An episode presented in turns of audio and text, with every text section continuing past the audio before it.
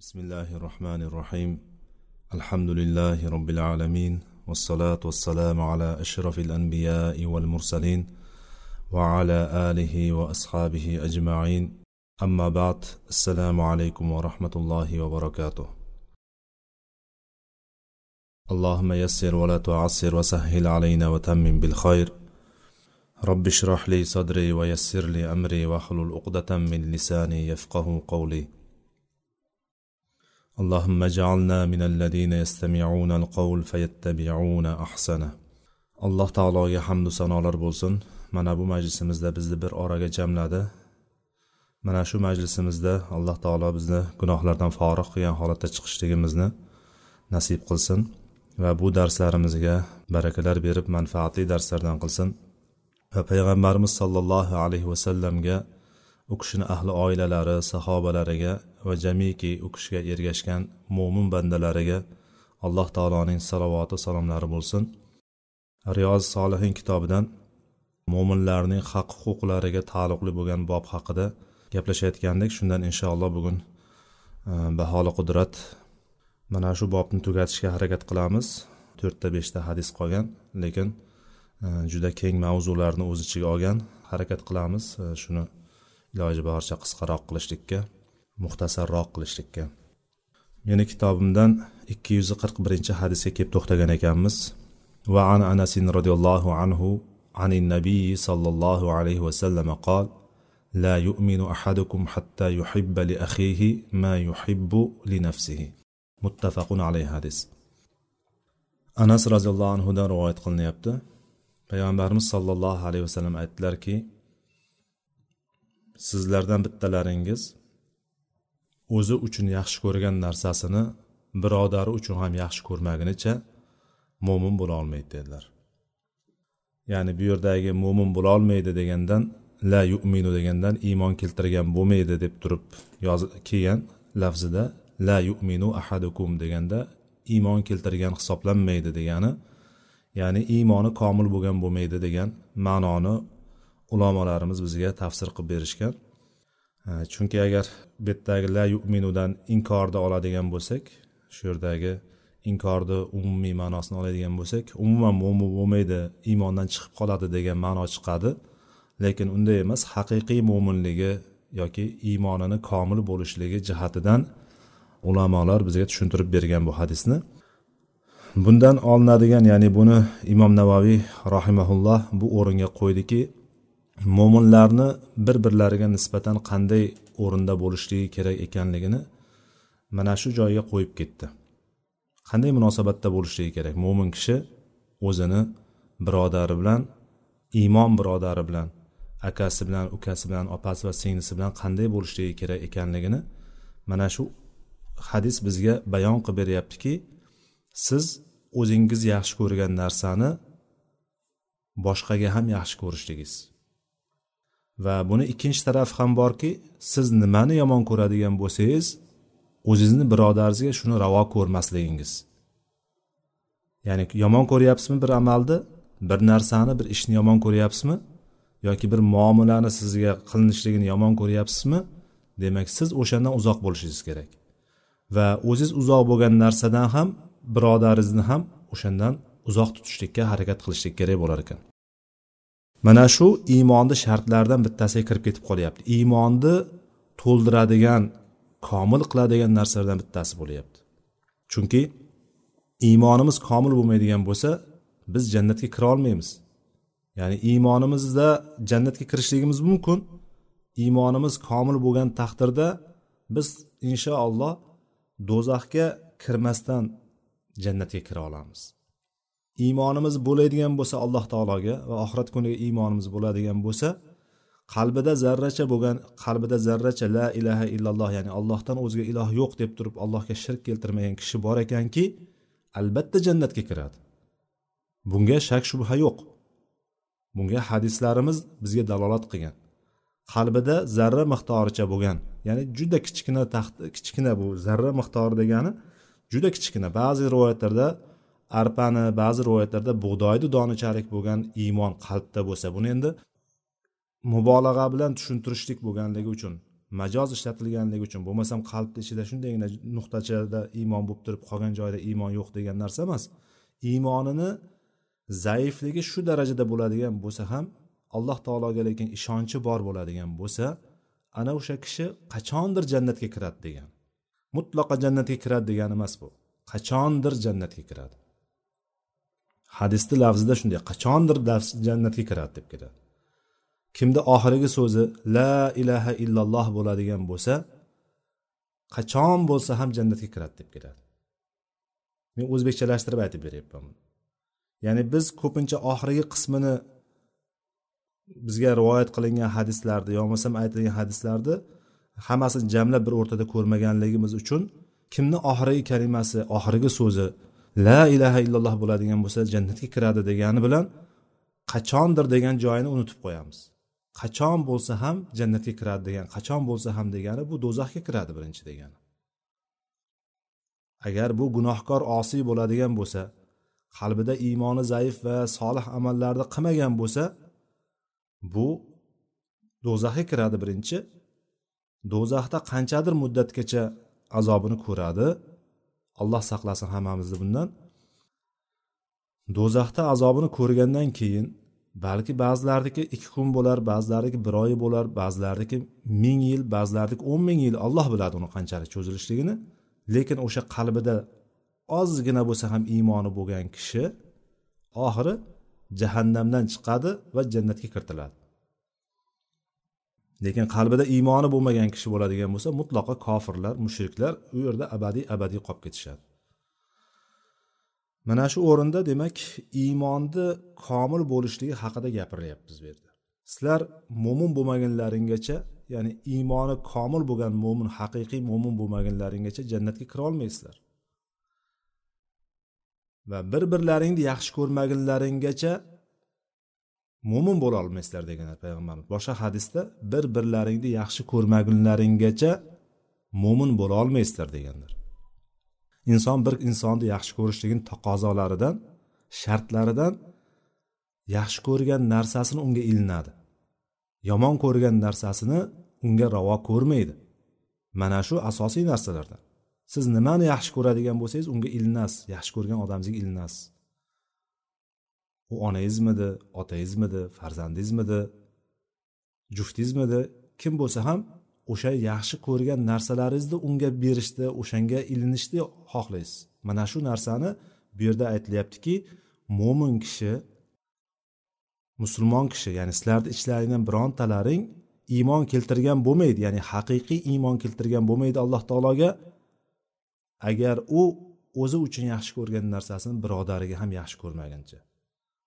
Mana buni tagida juda katta narsalar bor. Bizni muomalamiz mana shunday bo'lishligi kerak. Hayot muomalamiz mana shu qolipda bo'lishligi kerak. Mana shu qolipga agar biz qaraylik agar bu qolipga agar biz tushmayotgan bo'lsak demak bu qolipga o'zimizni majburlab tushirishga harakat qilishligimiz kerak. Bu hadisdan oladigan foydalarimizdan bittasi inson nimani yaxshi ko'radigan bo'lsa o'sha narsani o'zini birodariga iymon birodariga ravo ko'rishligi o'sha narsani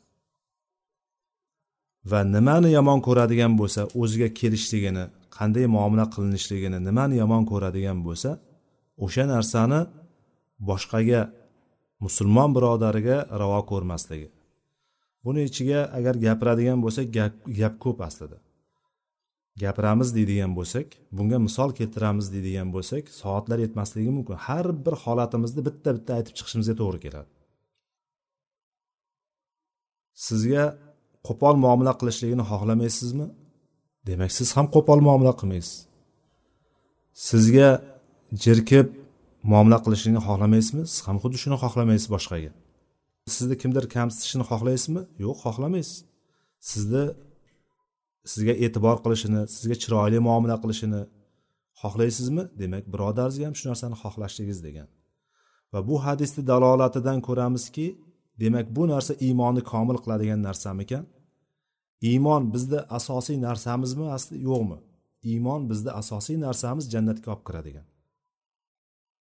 Jannatga bu iymonimiz bo'lmadigan bo'lmaydigan bo'lsa biz jannatga hargiz kira olmaymiz. Demak bu iymonni komil qiladigan narsamikan? Demak buni qilmasligimiz. Ya'ni bu hadisda aytilgan biz o'zimiz yaxshi ko'rgan narsamizni birodarimizga ilinmaydigan bo'lsak o'zimiz yomon ko'rgan narsani birodarimizga ham ravo ko'rmaydigan bo'lsak ana o'shandagina biz iymonimiz komil bo'ladi. Agar buni tark qiladigan bo'lsak gunoh kabira qilayotgan bo'lamiz.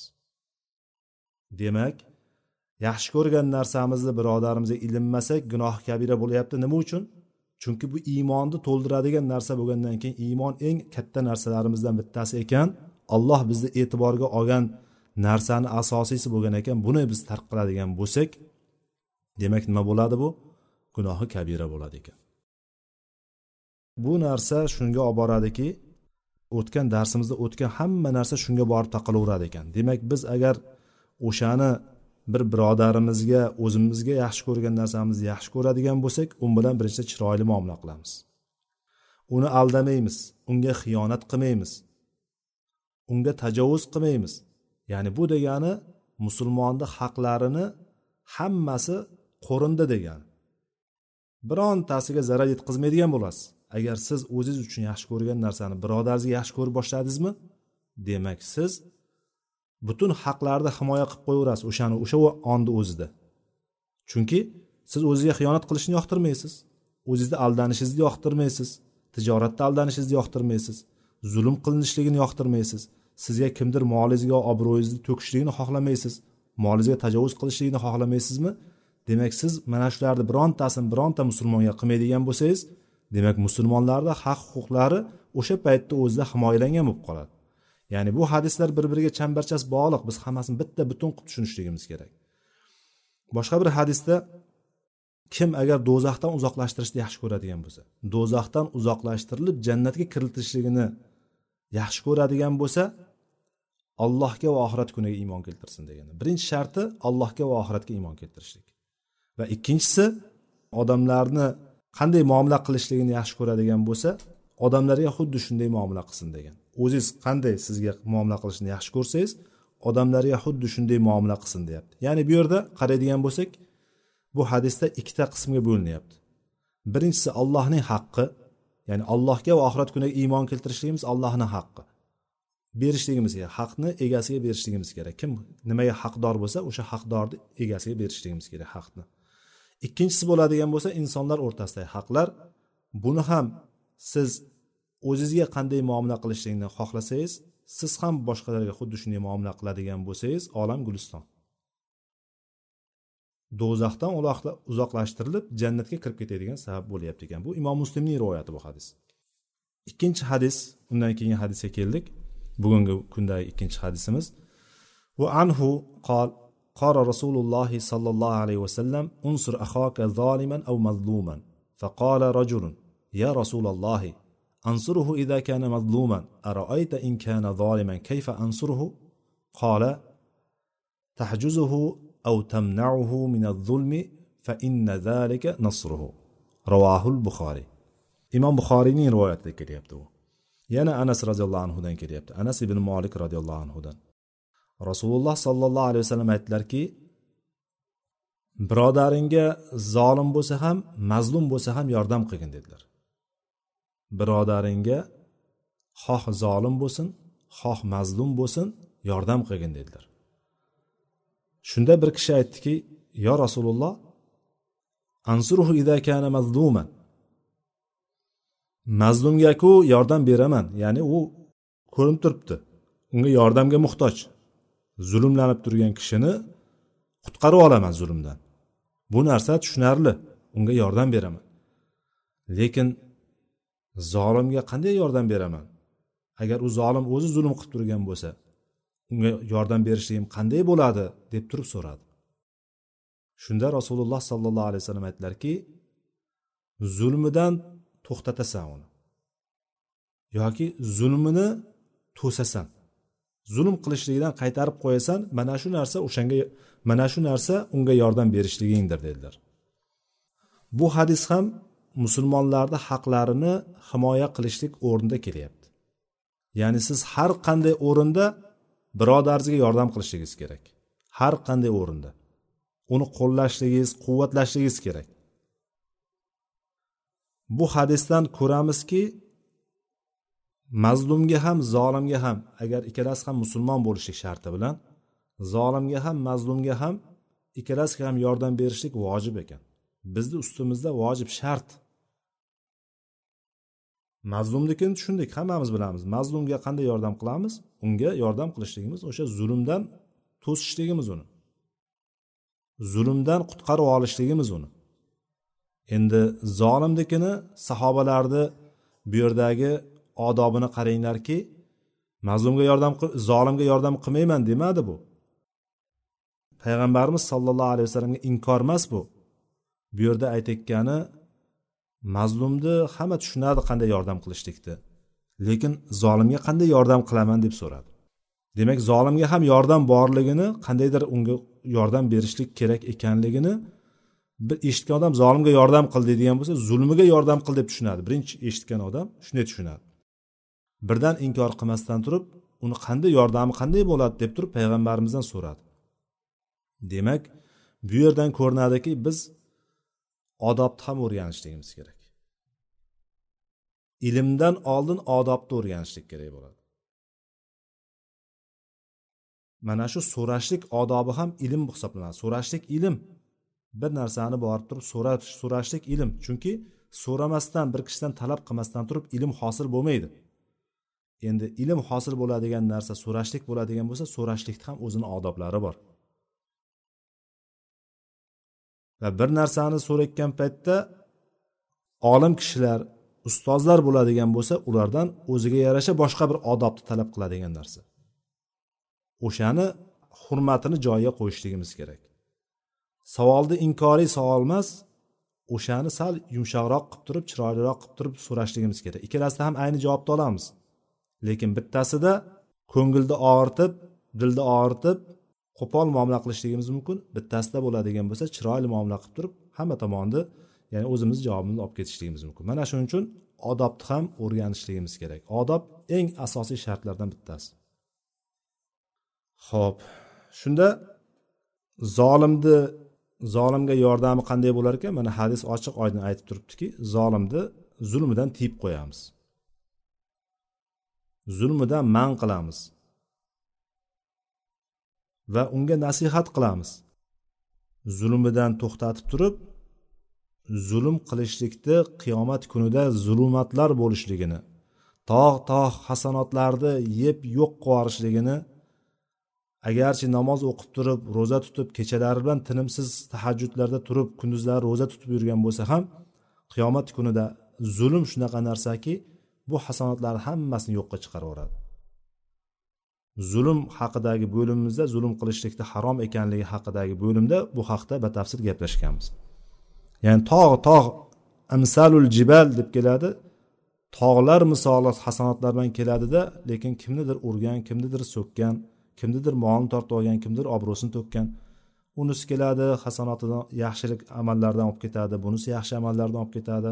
Borib borib hech narsa qolmaydi. Endi uzish kerakmi u inson? To'xta hammasini boyagilarda haqlar u kunda hech kimga zulm qilinmaydigan kunda. Endi zulm qilib qo'ygan bo'lsa hayoti dunyoda nima bilan javob beradi endi? Ularni gunohlarini bo'yniga olishlik bilan javob beradida oxir oqibat do'zaxga kirib ketib qoladi. Alloh taolo hammamizni asrasin.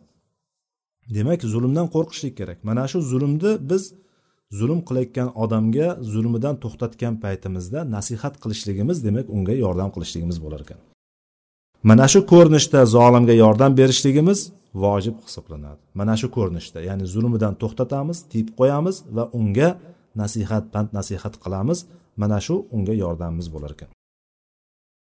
Undan keyingi hadis وعن أبي هريرة رضي الله عنه أن رسول الله صلى الله عليه وسلم قال حق المسلم على المسلم خمس رد السلام وعيادة المريض واتباع الجنائز وإجابة الدعوة وتشميت العاطس متفق عليه abu hurayra roziyallohu anhudan rivoyat qilindi payg'ambarimiz sallallohu alayhi vasallam dedilar musulmonning musulmonning ustidagi haqqi ya'ni bir musulmonning boshqa bir musulmonning ustidagi haqlari beshtadir. Raddussalom salomga alik olishligi. Va iyadatul marid kasalni borib ko'rishligi. Kasalni ziyorat qilishlik. Va tibaul janaiz janozaga ergashishlik. Ya'ni bir musulmon kishi vafot etadigan bo'lsa o'shani janozasiga borishlik degan. Va ijabatu da'va chaqiradigan bo'lsa biron bir e, narsaga chaqiradigan bo'lsa o'sha chaqirgan narsasiga borishlik. To'yga tomoshaga munosabatga chaqirganda borishlik. Mehmondorchilikka chaqirganda borishlik. Tashmitul atis va aksa urgan kishi alhamdulillah deydigan bo'lsa unga yarhamukalloh deb turib javob berishlik. Bu muttafaqun alayhi hadis. Beshta narsa sanaldi. Undan keyingisi imom muslimning rivoyatida bo'lsa mana shu hadisni imom muslimning rivoyatida haqqul muslimi sittun dedilar musulmonning haqqi oltitadir dedilar إذا لقيته فسلم عليه وإذا دعاك فأجبه وإذا استنصحك فانصح له وإذا عطس فحمد الله فشمته وإذا مرض فعده وإذا مات فاتبعه bunda oltita haqlar aytildi. Bundan agar uchratib qoladigan bo'lsang birinchisi uchratib qoladigan bo'lsang unga salom ber.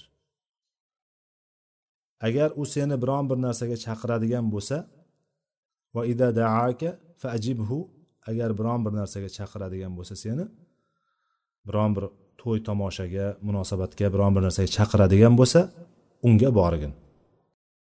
Ijobat qilgin. Va idastansahaka fansah agar sendan biron bir maslahat so'raydigan bo'lsa ya'ni maslahat so'rab nasihat so'rab keladigan bo'lsa unga nasihat qilgin. Va ida atasa fahamidalloh agar aksa urib alhamdulillah deydigan bo'lsa fashammithu unga javob bering yarhamkalloh deb turib aytgin. Agar u kasal bo'ladigan bo'lsa uni ziyorat qilgin. Agar u vafot etadigan bo'lsa unga ergashgin ya'ni janozasiga borgin janozasida ishtirok etgin dedi. Bu hadis imom muslimning rivoyatlarida kelyapti.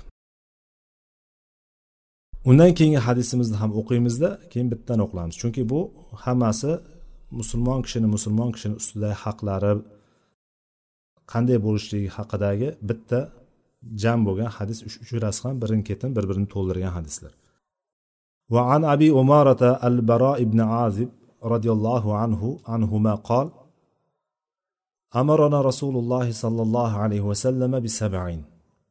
أمرنا بعيادة المريض واتباع الجنازة وتشميت العاطس وإبرار المقسم ونصر المظلوم وإجابة الداعي وإفشاء السلام.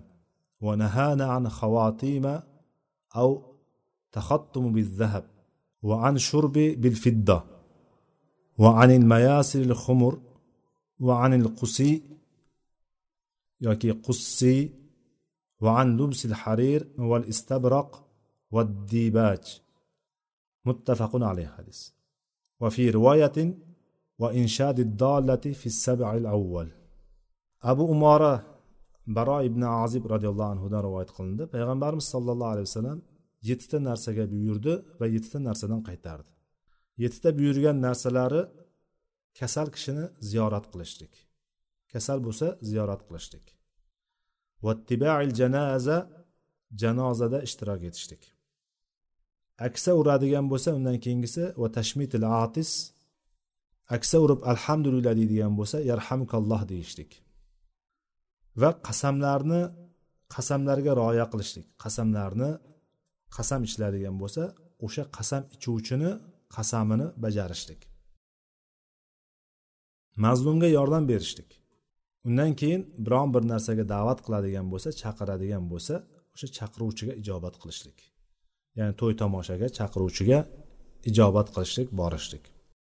Va ifsha ussalam salomni keng yoyishlik. Qaytargan narsalar bo'ladigan bo'lsa uzuk taqishlikdan ya'ni uzuk taqishlikdan deb turib umumiy aytdilar orqasidan zahab. Tilla uzuk taqishlik. Erkaklarga tegishli albatta bu. Tilla uzuk taqishlik va kumush idishlarda ichishlik.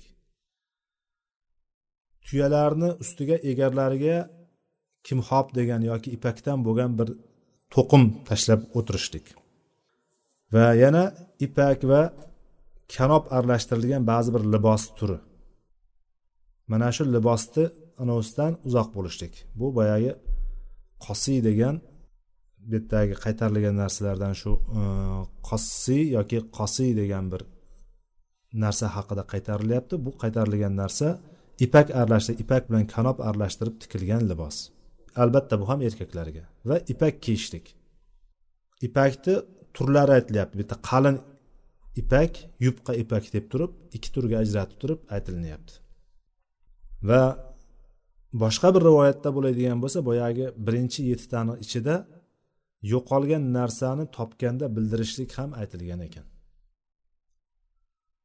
Va inshadu dolla agar bir bir narsa yo'qolgan narsani topib oladigan bo'lsa o'sha topilgan narsani e'lon qilishlik odamlarga o'sha narsani bildirishlik va egasi kelganda qaytarib berishlik ham mana shu yettita narsani ichiga kiradi ekan. Mana shu narsa o'zi bu hadisdagi musulmon kishini musulmon kishini ustidagi haq huquqlari deganimizda bu o'zi katta mavzu. Bu mavzuda o'zini ancha muncha gapirsa bo'ladigan narsa. Iloji boricha buni qisqaroq qilamiz. Birinchi musulmon kishini musulmon kishidagi haqqi beshtadir deb keldi birinchi hadisda. Ikkinchi hadisda oltitadir deb keldi. Uchinchi hadisda bo'lsa payg'ambarimiz yettita narsaga buyurib yettita narsadan qaytardi dedi. Ya'ni besh olti yetti bo'lyapti. Endi bularni ba'zilari bir birida takrorlandi ba'zilari bir birida takrorlanmagan joylari ham bor. Shulardan birinchisi roddus salom deb keldi. Birinchisi salomga javob qaytarishlik a salomga javob qaytarishlik salomga alik olishlik ya'ni. Salomga alik olishlik deb kelgan bo'lsa ikkinchi hadisda bo'lsa iza laqitahu fasallim alayhi.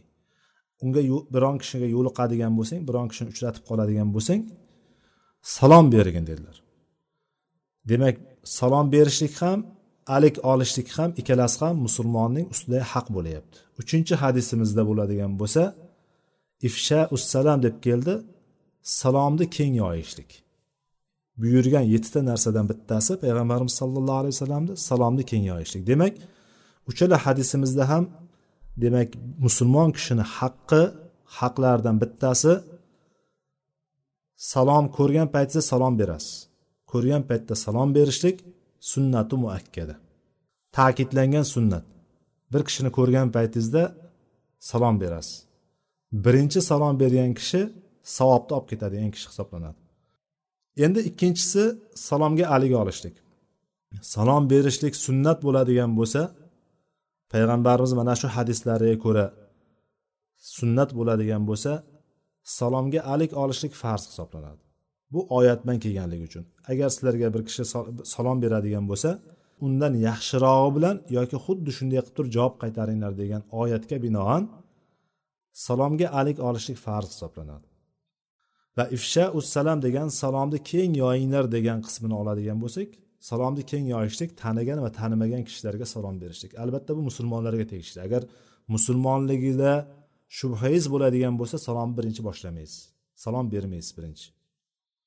Nima deb salom bersa o'shanga javob berasiz xolos. Masalan tanimagan joydasiz sizga assalomu alaykum desa siz ham va alaykumussalom deb javob berasiz. Agar sizga boshqa turli salom beradigan bo'lsa ruslar здравствуйте deydigan bo'lsa masalan ularga ham xuddi shunday javob berasiz. Yo bo'lmasam turklar oladigan bo'lsa meraba deydigan bo'lsa siz ham merhaba deysiz. Arablarda masalan ahlan va sahlan degan joyi bor. Ahlan va sahlan deydigan bo'lsa siz ham ahlan va sahlan deysiz. Xuddi shunga o'xshagan agar u birinchi nima nima deb turib sizga salom beradigan bo'lsa xuddi shunday javob qaytarasiz. Yoki arabcha boshqa assalomu alaykumdan boshqa narsalarni bilan aytadigan bo'lsa assalom deydi masalan. Assalomu alayka desa buzuq chala bo'ladigan bo'lsa hatto o'zbeklarda ham deydi masalan. Assalomu deb qo'yadi. Assalomu masda assalomu xuddi yahudlarni salom berishlik senga o'lim tilayman degan. Mana bularga qanday va alaykum assalom deyilmaydida va alaykum deb qo'yiladi. Va alaykum degani nima tilaydigan bo'lsa unga ham o'shasini qaytarib berishlik bo'ladi. Yuqorida hozir ishora qilib o'tgan hadisimiz sizlar mo'min bo'lmagunicha jannatga kira olmaysizlar bir birlaringni yaxshi ko'rmaguncha mo'min bo'lolmaysizlar degan hadisda aytuvdik o'shani davomida sizlarga bir narsani o'rgatib qo'yaymi? Mana shuni ya'ni qiladigan bo'lsalaring bir birlaringga muhabbat bo'ladi qalblaringda bir birlaringga bo'lgan yaxshi ko'rishlik paydo bo'ladi dedilar.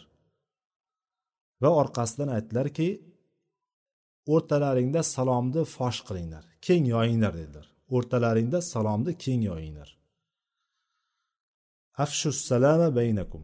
Mana shu o'rtadagi salomni yoyishligi ko'rishganda har ko'rganda salom berishlik mana bu bir biriga nisbatan iliqlikni insonni qalbini o'zi xohlamagan tarzda bog'lanishligiga sabab bo'ladigan narsa. Alloh taoloning ismi bilan salom beryapsiz chunki. Assalom alloh taoloni ismi. Salomatlik ofiyat sizga butun tinchlikni tilab sizga bir duo qilyapti. Siz ham duosiga siz ham ijobat qilyapsiz. Siz ham unga ayni narsani tilayapsiz. Bu narsani ma'nosini tushunsangiz ham tushunmasangiz ham bu narsani payg'ambarimiz sollallohu alayhi vasallam aytdilarki bu narsa kim agar o'rtalaringda salomni fosh qiladi keng yoyadigan bo'lsalaring bir birlaringga nisbatan qalblaringda muhabbat paydo bo'ladi va bu sababli sizlarni iymonlaring mukammal bo'ladi va o'sha iymon bilan jannatga kirasizlar deganlar payg'ambar sallallohu alayhi vasallam. Demak mana shu birinchi haqqimiz ekan. Bizni bo'ynimizdagi birinchi qarzimiz birodarimizga birodarimizga o'tashimiz kerak bo'lgan berishimiz bo'lgan birinchi qarzimiz ekan. Salom bersa haligi olamiz yo ko'rgan paytimiz salom beramiz? Ikkinchisi endi buni salomni odoblariga kirmayapman. Salomda masalan kim birinchi beradi kim javob beradi. Bularga kiradigan bo'lsak biroz e, vaqt cho'zilib ketganligi uchun umumiy qilib o'tib ketyapmiz. Ayadatul marid. Kasalni ziyorat qilishlik kasalni borib ko'rishlik. Mana bunda ikkala hadisda ham uchala hadisda ham keldi. Kasalni borib ko'rishlik uchala hadisda ham keldi. Demak bu ikkinchi haq. Bizni zimmamizda turadigan birodarimizga berishimiz kerak bo'lgan ikkinchi haqqimiz haqqi birodarimizni haqqi demak kasal bo'lsa ziyorat qilishlik. Kasal bo'lib ko'rganmiz hammamiz kasal bo'lganmiz. Kerak bo'lsa ba'zan shu больницада yotgan paytimiz ham bo'ladi doktorxonada yotgan paytimizda. O'sha payt insonni todi ya'ni o'sha e, ba'zi bir narsalarni xohlashligi bo'ladi. Ba'zi bir narsalarni xohlaydi. Yeyishni xohlaydi. Ba'zi bir narsalar tansiq taomlar yegisi keladi bir narsalar yegisi kelib qoladi. Bundan tashqari insonni qalbida ham ma'naviy ehtiyoj tug'iladi. Kim bilandir dardlashgisi kim bilandir ko'rishgisi dardini aytgisi keladigan holat keladi. Buni hammamiz boshimizdan kechirganmiz. Mana shuning uchun insonni qalbidagi fitrat mana shu bo'lganligi uchun payg'ambar sollallohu alayhi vasallam shariatni yetkazgan paytlarida kasalni borib ziyorat qilishlikni ham musulmon kishini bo'ynidagi vojib bo'lgan haqlardan bittasi deb aytib o'tdilar. Kasalni ziyorat qilishlik farz. Kasalni ziyorat qilishlik farzi kifoya. Agar sizni qarindoshingiz bo'ladigan bo'lsa yaqinlaringiz bo'ladigan bo'lsa farzi ayn bo'ladi bu. Shu narsani biz mana shu qolip bilan ko'rishligimiz mana shu ko'z bilan ko'rishligimiz nazar bilan ko'rishligimiz kerak.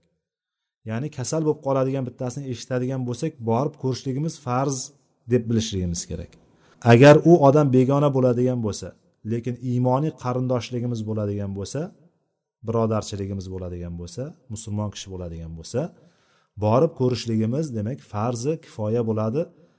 Bir kishi borib ko'radigan bo'lsa bir mahallada bir kishi kasal bo'ladigan bo'lsa bir kishi borib ko'radigan bo'lsa mahalladagi qolganlardan bu gunoh ko'tariladi. Ya'ni bir kishi o'sha vazifani farzni bajardi. Agar hech kim borib uni ko'rmaydigan bo'lsa ziyorat qilmaydigan bo'lsa hammasiga kasalni ziyorat qilishlik vojib edi bormadi bularga hammasi baravar gunohkor bo'ladi. O'sha haqqini bermaganligi uchun. Haqdor kishiga haqqini bermaganligi uchun. Kasal kishi haqdor u hozir. Kasalni haqqi bor olishligi kerak o'sha haqqini. Lekin bizda haqqi turibdiyu biz olib borib bermayapmizmi? Demak biz bu bilan gunohkor bo'lib qolamiz agar u birodarimiz bo'ladigan bo'lsa. Endi agar qarindoshimiz bo'ladigan bo'lsa borib ko'rishligimiz uni holidan xabar olishligimiz farzi ayn bo'ladi. Chunki qarindoshchilik bog'i ham bor. Qarindoshchilik bog'ini bog'lashlikni ular bilan yaxshi muomalada bo'lishligimiz ular bilan doimiy e, suratda bog'lanishligimizda alloh taolo bizga buyurdi qarindoshchilikni bog'lashlik farz bo'ladi. Boyagi farzi kifoyadan endi bu farzi aynga aylanyaptiki borib ko'rishligimiz holidan xabar olishligimiz shartga tushyapti endi. Kasalni borib ko'rgan paytimizda unga faqatgina bir borib ko'rib biron bir narsa ko'tarib borishlik bilan ish bitadimi? U bilan bitta o'shani o'zi bilan ish bitmaydi. Borgan paytimizda biz unga kasallikka sabr qilishlikni birinchi o'rinda alloh taolo bergan kasallikni o'sha kasallikka shukur qilishligimiz ya'ni holatiga o'sha holatga shukur qilib sabr qilishlikni tavsiya qilishligimiz kerak. Unga agar og'ir kasal bo'ladigan bo'lsa unga vasiyat qilishlikni allohni ko'p zikr qilishlikni la ilaha illalloh deb ko'p aytishlikni hamma narsani agar imkoni bo'ladigan bo'lsa kasalxonada qancha bekor bo'lib qoladi inson. Qancha vaqti ko'p bo'ladi. O'sha vaqtlardan unumli foydalanib turib ko'proq qur'on o'qishlik ko'proq zikr qilishlik salovatlar aytishlikni duolarni ko'paytirishlikni mana bularni biz tavsiya qilishligimiz kerak bo'ladi. Mana bu narsa kasallikda e, o'sha kasal kishini ko'nglini olishlik bilan birga mana bu narsalarga oxiratni eslatishlik bo'ladigan bo'lsa ayni muddao bo'ladi. Ayni kasalni ziyorat qilgan kishi bo'lasiz. Yoki ba'zilar namozni o'sha paytlarda namozni o'qimay qo'ygan bo'ladi. Agar o'sha namozni hukmlarini bilmaydigan bo'lsa kasalligi sababli namozlarni yig'ishtirib qo'ygan bo'ladi bir chekkaga. Ana bu holatlarda namoz o'qiyapsizmi? Qanday qilyapsiz tahoratni nima qilyapsiz deb turib bularni so'rash kerak bo'ladi va unga to'g'ri yo'lda ko'rsatib yuborishlik kerak bo'ladi. Bunaqa holatda ham agar o'tirolmaydigan bo'lsangiz yotib o'qing turolmaydigan bo'lsangiz o'tirib o'qing. Tahoratga qiyin bo'layotgan bo'lsa tahorat olishlik imkonsiz bo'ladigan yoki zarari kuchayib ketayotgan bo'lsa tahorat o'rniga tayammum qiling.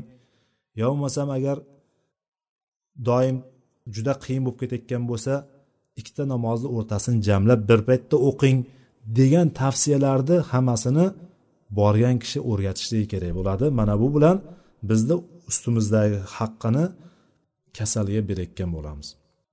Undan keyingisi ittibaul janaza. Janaiz. Va ittibaul janaiz janozaga ergashishlik janozaga janozada ishtirok etishlik. Bu uchala hadisda ham keldi bu. Uchala hadisda ham janozaga ergashishlik keldi. Demak bu uchinchi haq bo'lyapti. Musulmon kishini musulmon kishini ustidagi uchinchi haq. Bir kishi vafot etadigan bo'lsa uni janozasiga borishlik.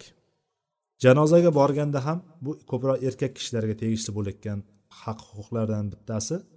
Chunki ayollar iloji boricha endi bu narsalarda o'zini qilmaganligi uchun tutolmaganligi uchun boshqa qilolmaganligi uchun ta'sirchan ko'ngilchan bo'lganligi uchun bularni janozaga ergashishlikdan taqiqlar bor.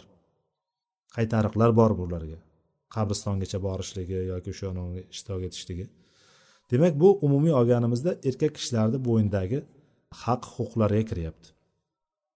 Janozaga borgan paytda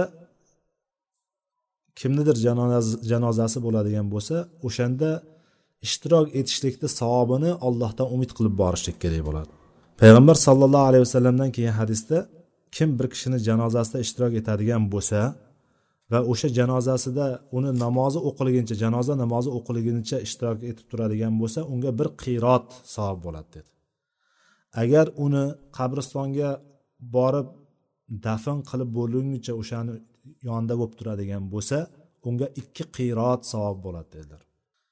Shunda sahobalardan so'ra sahobalar aytishdiki yo rasululloh bu qirot bu ikki qirot qanday miqdori qanaqa deb so'ragan paytda bu nima edi deb so'raganida payg'ambarimiz ikkita katta tog'dek deb aytdilar. Ikkita tog' katta tog' misolidir. Kichkinasi uhudday dedilar. Ya'ni uhud tog'idan katta bo'lgan ikkita tog'day darajada savob bo'ladi dedilar. Buni eshitgan ibn umar keyinchalik bu hadisni eshitgan paytda abdulloh ibn umar roziyallohu anhu biz shu paytgacha qancha qancha qiyrotlarni qo'ldan boy bergan ekanmiz dedida o'shandan keyin bironta bir janozani qoldirmasdan har doim ishtirok etdi deb aytadi. Ya'ni bu g'animat ertaga na pul na mansab na oshna og'aynigarchilik hech narsa foyda bermagan paytda foyda beradigan savoblarni olib qolishlik uchun demak janozaga birodarimiz janozasiga borib ishtirok etishligimiz kerak bo'ladiki. Bunga unga ham qancha ko'p odam ishtirok etadigan bo'lsa janoza janozasi o'qilayotgan mayyit uchun ham shuncha foydasi katta bo'ladi. Agar iloji bo'ladigan bo'lsa qabristonlarni yaqinida bir masjidlarda o'qilinadigan yoki qabristonni yonida janoza o'qiladigan bo'lsa o'shani dafn marosimiga ham ishtirok etib kelishligi dafnda boyagini ko'mgandan keyin tepasida biroz turib o'sha yerda qolishib keyin qaytishligi bu sunnat amallardan bittasi hisoblanadi. Va janozaga borganda biz yelkalarimizda tashiymiz. O'sha janozani yelkamizda tashigan paytimizda yoki janozada ishtirok etgan paytimizda biz ham qachondir bugunmi ertami qachondir mana shuni o'rniga tushishligimizni biz qalbdan his qilib tafakkur qilib turishligimiz kerak bo'ladi. Borganda hamma o'zini dardi bilan unisi kulishgan bunisi gaplashgan hozirgi kunda borib janozalarga borib qaraydigan bo'lsangiz janozani ko'rib turib o'sha yerda janozadan bir maviza olayotgan pand nasihat olayotgan odamni kam topasiz.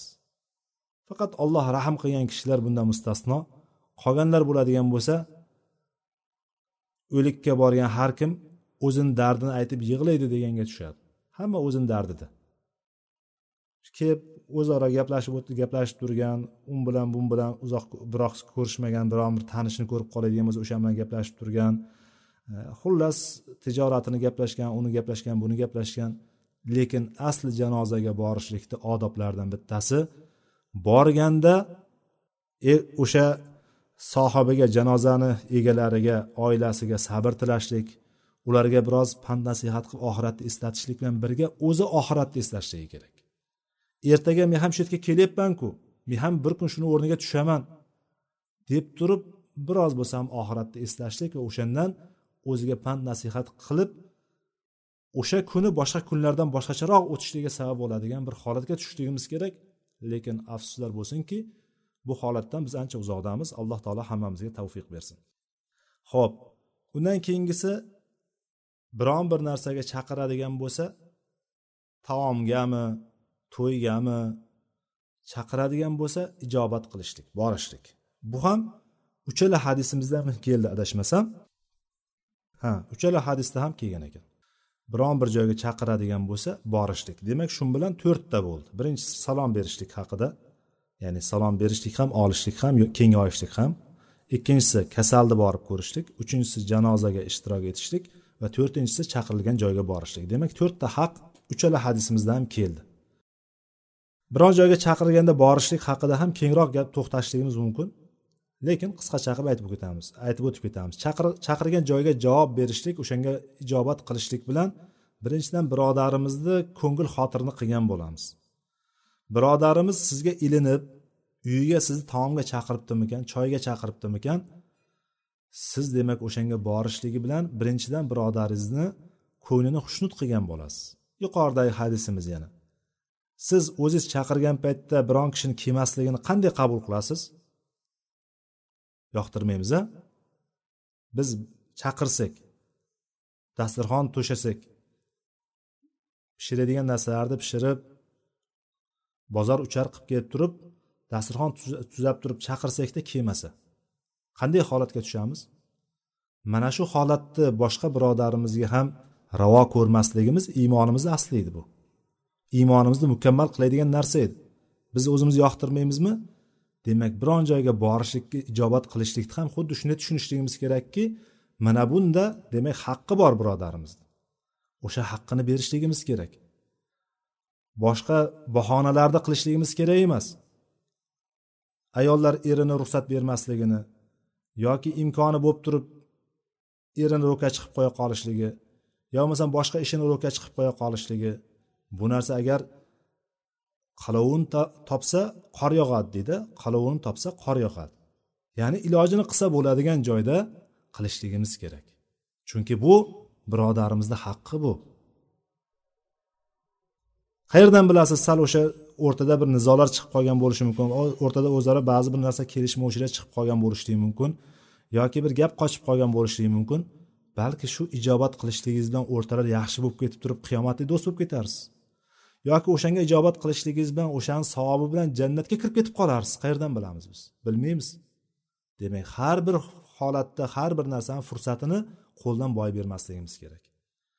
Endi bu yerdagi to'yga ya'ni bir nikoh to'yiga valima deymiz. Nikoh to'yiga agar chaqiriladigan bo'lsa bunga borishlik vojib hisoblanadi. Qolganlarini ustida olimlarni ixtilofi bor. Lekin shularni ichida to'yga da'vat qilinadigan to'yga chaqiriladigan bo'lsa to'yga borishlik vojib shart hisoblanadi.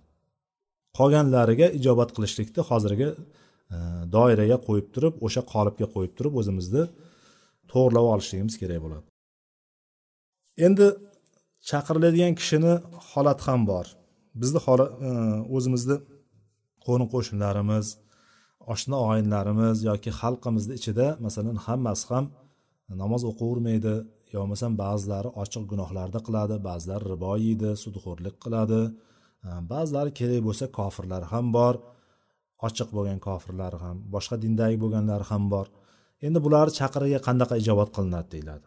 Ya'ni qolganlarni ijobati qolganlarga ijobat qilishlikni har bir holatini o'ziga qarab turib muomala qilinadi o'shanga qarab turib munosabat qilinadi.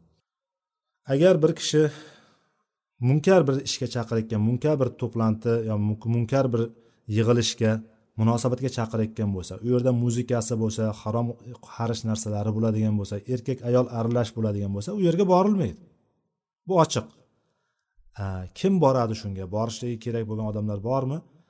Agar o'sha yerga borganingizda siz o'sha munkardan qaytara oladigan bo'lsangiz va bu munkar qaytarishlikda sizni kuchingiz layoqatingiz va iymoningiz yetarli bo'ladigan bo'lsa ana o'shanday kishilar borsa bo'ladi. Borishligi shart emas borsa bo'ladi. Bitta sababni yetalab borgan bo'ladi o'zi bilan. Bu sabab o'shalarni bu munkardan qaytarib qo'yishlik. Pand nasihat qilishlik da'vat qilishlik maqsadi bo'ladigan bo'lsa bo'lmasam borilmaydi. Ikkinchi tur odamlar benamoz halol bilan haromni farqiga bormaydigan bo'ladigan bo'lsa bularni ham da'vatiga ijobat qilishlik o'zizga qoladigan narsa. Borishlik shart emas uni haq haq bo'lmay haq degan narsa yo'q bu yerda. Benamoz yurgan odam harom xarishni farqiga bormaydigan odam sizni biron bir narsaga taklif chaqiradigan uyga mehmonga chaqiradigan bo'lsa bu yerda bu yerda hech qanaqa farqi yo'q. Demak harom xarishga farqiga bormaydigan halol bilan haromni farqiga bormaydigan benamozlarni uyiga agar mehmonga chaqirishlik yoki to'y tomoshasiga chaqirishlik haqidagi uni hech qanaqa bir haq huquq qolmaydi. Uni anavisi yo'q. Bunga har kim o'zini holatiga qarab turib vaziyatga qarab turib bir yechim topadida o'shanga qarab turib harakat qilaveradi. Bu narsa umumiy. Lekin musulmon kishi o'zingizni birodaringiz taniganingiz bir ishi bittasi chaqiradigan bo'lsa unga borishlik yuqorida aytganimiz shart bo'ladi. Agar bu valima bo'ladigan bo'lsa bo'yningizda vojib bo'ladi. Har xil bahonalarni bir narsalarni ro'ka chiqmasdan turib inson o'shanga harakat qilishligi bilan savobni oladi tark qilishligi bilan bitta haqni poymol qilgan bo'ladi o'shanga yarasha gunoh ishlagan bo'ladi. Ho'p undan keyingisi tashmitul atish. Aksa urgan kishiga javob berishlik. Aksa urgan kishiga yarhamukalloh deb aytishlik. Bu narsa ikkita hadisimizda ham uchinchisida ham keldimi? Hozir uchinchisida ham uchinchisida ham bor ekan. Demak mana shu beshta haq mutloq bo'ldi. Uchta hadisimiz bilan ham sobit bo'ldi. Yana takrorlab aytaman. Birinchisi salom. Salom berishlik alik olishlik salomni keng yoyishlik ikkinchisi kasalni ziyorat qilishlik. Uchinchisi janozalarda ishtirok etishlik to'rtinchisi chaqirilgan joyga borishlik. Beshinchisi aksa urganda javob berishlik. Aksa urgan kishi bizda hech narsa demaydi. Aksa uradi bo'ldi. Javob bermaydi. Aksariyat xalqimizda keng tarqalgan narsa ikkinchisi bo'ladigan bo'lsa sog' bo'l deydi. Sog' bo'l deydi. Ba'zilar bo'lsa turklarda bo'ladigan bo'lsa cho'k yasha deydi.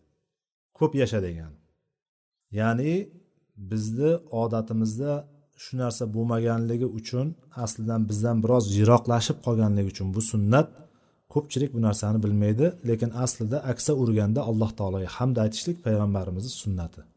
Va bu ham birinchi odamni yaratilganda odam alayhissalomdan bizga davom etib kelayotgan sunnatlardan bittasi. Alhamdulillah deb turib hamdni allohga xoslashligimiz va allohga hamd aytaman deyishligimiz kerak bo'ladi. Ana bu narsani eshitgan odam aksa urgan odamni alhamdulillah deganini eshitgandan keyin bunga yarhamukalloh deyiladi. Yarhamukalloh degani alloh senga rahmat qilsin alloh seni rahmatiga olsin degan. Alloh seni rahmat qilsin degan odamni javobini eshitgan kishi yahdikumulloh va yuslih balakum deydi. Alloh taolo yahdikumulloh sizni hidoyatda bardavom qilsin. Ya'ni tarjima qilayotganimizda o'zi asli yahdikumulloh degani hidoyat qilsin degani. Ba'zilarga olloh hidoyat qilsin deydigan bo'lsangiz xafa bo'ladi. Nima men kofirmanmi yoki men nima bir musulmon emasmanmi deb turib birodarlar ichida xafa bo'lib qoladiganlari bor bu narsani aslini tushunmagan holatda.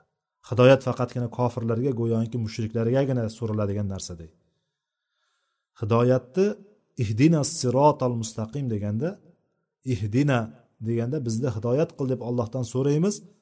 Hidoyatni ma'nosida bittasida aytgandek haqiqatdan kufrdan iymonga kirishlik ma'nosi bor.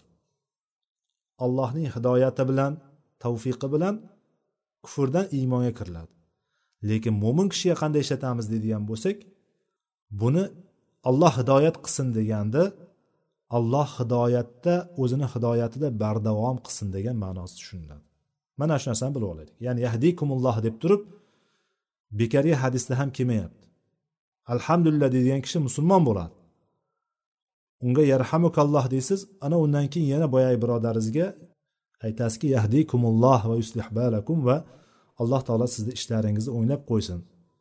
Deb turib hidoyat bersin va shu ishlaringizni o'ynab qo'ysin degan paytda hidoyatida bardavom qilsin degan hidoyat uzra to'g'ri yo'l uzra bardavom qilsin degan. Mana shunday deyiladi. Endi agar bilsak nasroniymi yahudiymi bir kofirligi ochiq bo'lgan bir odam haqida o'sha aksa urganda alhamdulillah desa nima deyiladi? Deganga olimlarimiz aytishadiki yahdikumulloh va yuslih balakum deyiladi. Yahdikumulloh deydi. Ularga yarhamukalloh deyilmaydi. Yahdikumulloh deyiladi. Balki benamoz yurgan kishilarga ham balki shuni qo'llashligimiz mumkindir balki. Allohu alam. Benamoz yurgan umuman din diyonatdan uzoq bo'lgan kishilar ba'zilar masalan alhamdulillah deb qo'yadigan bo'lsa o'shalarga ham yahdikumulloh desak vallohu alam to'g'ri bo'lsa kerak. Shuning uchun bunda duo bor bu ikkalasida ham duo bor. Yarhamukalloh deydigan bo'lsangiz allohdan rahmat tilayapsiz. Oysha onamizdan kelgan rivoyatda yahudiylar kelardida payg'ambarimiz sollallohu alayhi vasallamni yonida yolg'ondakam aksa urishardi jo'rt aka deymizku. Jo'rt aka yolg'on akam aksa urishardi. Aksa urishib orqasidan alhamdulillah deyishardi. Payg'ambarimiz sollallohu alayhi vasallam bo'lsa yahdikumulloh deb aytardilar. Qaranglar yahudlarni g'arazi bor. Ochiq oydin bilib turgan o'zini farzandidek tanigan payg'ambarni yoniga kelib turib va payg'ambar taniganligi yahudlar payg'ambarimizni duosini ijobat ekanligini yaxshi bilishgan. Mana shuni bilgan holatda payg'ambarimizni yonida agar men hozir alhamdulillah desam yarhamukalloh deyishligini ham yaxshi bilishgan. Yarhamukalloh deydigan bo'lsa payg'ambarni og'zidan allohni rahmatini sobitlab olgan bo'laman ya'ni yuzda yuz olgan bo'laman. Va mana shuni alloh huzuriga borganda hujjat qilaman deydigan darajada mana shunaqa pastkash bo'lgan ular. Lekin payg'ambar sollallohu alayhi vasallamni yo'llarini qaranglar yahdikumulloh deb javob aytganlar. Mana bu narsaga demak duo qilishlikda ham hassos bo'lishlik kerak. Ya'ni odam ko'zi ochiq basiratli farosatli bo'lishligi kerak. Payg'ambar sallallohu alayhi vasallamni sunnatlari mana shu. Demak aksa urganda alhamdulillah desagina yarhamukalloh deymiz. Va yarhamukallohni kimga aytishligimizni ham mana aytib o'tdik. Bu beshta bo'ldi. Ikkinchi hadisdagi oltita degandan bitta farqi bor ekan bu yerda. Bu farqi bo'lsa ham qaysi bo'lyapti? Nasihat so'raydigan bo'lsa nasihat qilgin unga deyapti. Sendan bir maslahat so'rab keladigan bo'lsa maslahat ber. Demak bir kishi sizga bir ishida bir muammosida sizdan maslahat so'rayaptimi? Sizdan demak sizdan sizni demak o'ringa qo'yyapti. Qaysidir bir o'ringa qo'yyaptiki sizdan bir maslahat so'rayapti. Maslahatingizni ayamang. Demak bu ayamasligingiz shunchaki ayamaslik emas. Bu sizni bo'yningizdagi haq bu. Egasiga berishingiz kerak so'rab kelgan odamga nasihat qilishingiz kerak maslahat berishingiz kerak. Mana bu ham demak oltinchisi bo'ldi. Beshtasini qildik aytdik mana oltinchisi bo'ldi. Endi undan keyingi hadisimizdagi narsalar ichida nimalar bor ekan? Ortiqcha narsa bo'lgan ibroril muqsim. Ya'ni bir kishi qasam ichadigan bo'lsa o'sha qasam ichgan qasamini biz unga yordam berishligimiz kerak. O'shani ro'yobga chiqishligiga yordam berishligimiz kerak bo'lgan narsa. Ya'ni sizga bir kishi qasam ichadigan bo'lsa bir narsani ustida qasam ichadigan bo'lsa siz uni qasamini inkor qilib emas qasamini unga oqlab berishingiz kerak o'shani. Ya'ni qasamini bajarishligiga siz qo'llab quvvatlab yuborishligingiz kerak. Ya'ni bir kishi aytsaki allohga qasamki mana shu narsani shunday shunday qilaman deb turib qasam bilan aytadigan bo'lsa demak sizni uni sizni bo'yningizda haq bo'ladigan bo'lsa o'shanga bir muvofiq bir yordam berib yuborishlik bo'ladi ekan. Mana shu narsa bu yerda qasd qilingan narsa mana shu. Bu demak yettinchisi bo'ldi. Undan keyin va nasril mazlum mazlum kishiga yordam berishlik deb keldi. Buni yuqoridagi hadisimizdan oldik buni. Bu ham demak mo'minlarni bir biridagi payg'ambarimiz bizga buyurgan narsalardan yettita deb aytgandan mana shu kelib chiqdi. Bu demak bizni hisobimizda sakkizinchisi bo'ldi. Va qaytargan narsalarni bo'ladigan demak buyurilgan narsalardan sakkizta bo'ldi hozir. Ba'zilar o'nta qilib chiqargan buni mana shuni ichidan o'nta qilib chiqarishligimiz mumkindir balki. Salomni uchga bo'ladigan bo'lsak o'nta bo'ladi. Salomni uchga bo'ladigan bo'lsak ya'ni salom berishlik bitta haq salomga alik olishlik ikkinchi va salomni keng yoyishlik uchinchi qilib oladigan bo'lsak mana shu hozir aytib o'tganlarimiz o'ntaga chiqadi. Va aslida haq huquqlar ya'ni musulmonlarni o'rtasidagi haqlar mana shu bilan chegaralangani yo'q bu bilan chegaralanmagan aslida. Lekin bularni insonlarni ichida eng ko'p uchraydigan bir biridagi muomalalarda munosabatlarda eng ko'p uchraydigan narsalar shular bo'lgani uchun payg'ambarimiz sallallohu alayhi vasallam bularga alohida urg'u berganlar bo'lmasam o'zing yaxshi ko'rgan narsani birodaringga yaxshi ko'rdi ichiga insonni hayotidagi hamma narsani o'shancha kirgizib yuborsak bo'laveradi. To'g'rimi? Yaxshi ko'rgan narsani birodaringga ham yaxshi ko'r degan hadisdan butun hayotimizda hamma ikir chikirlarni ham shuni ichiga qo'yib yuborsak bo'laveradigan narsa aslida. Ha keyin bu yerda e, birinchi yettitani ichiga yana anavi ham kiryapti ekan. Bir narsani topib oladigan bo'lsangiz o'shani e'lon qilishligingiz mana shu ham shunga kirib ketyapti haqlariga kirib ketyapti. Bir kishi haqiqatdan bir o'ziga eng qadrli narsani yo'qotib qo'ygan bo'lishligi mumkin. Lekin siz uchun u hech qanaqa qadri yo'q bo'lishi mumkin. Lekin o'shani topib olgan paytingizda siz o'shani e'lon qilasizki o'sha egasini topadi egasini egasiga yetib boradi. Egasiga yetib borganda demak mana shu uni haqqi o'ziga yetib borgan bo'ladi. Buni ham o'zini bir e, alohida bir boblar fiqhda alohida bir bo'limlar bor. Topilmalar bo'limi bor. Yo'qotilgan narsalar topilmalar topilgan narsalar haqidagi bo'limlar bor. Ya'ni yo'qotilgan narsa agar bir qadrli narsa bo'ladigan bo'lsa oltin uzuklar yoki shunga o'xshagan bir katta miqdordagi pullar shunga o'xshagan dokumentlar. Xullas dokument bo'ladigan bo'lsa hozirgi kunda ismini otini aytib turib e, murojaat unga aytsangiz o'zi birpasda chiqib keladi qayerdaligiku. Lekin oltin kumush qimmatbaho narsalar agar topib olinadigan bo'lsa mana bularni hozirgi kunda ba'zi bir agar tegishli joylarga olib borib bersangiz masalan topilmalar idorasi degan o'xshagan o'xshagan joylarga olib borib bersangiz ular egasiga yetkazishlikka harakat qiladi. Agar undaqalarni ham ularga ishonmaydigan bo'lsangiz xosatan biz diyorlarda ularga ishonch olloh biladi e, shunaqa holat bo'ladigan bo'lsa siz e'lon qilishligingiz kerak bo'ladi. Sahobalardan biri yuz dinor topib oladi. Yuz dinor topib oladi bitta idishda. Yuz dinor topib oladida payg'ambarimiz sollallohu alayhi vasallamni yoniga olib keladi. Nima qilay deydi? Bir yil e'lon qilasan deydi.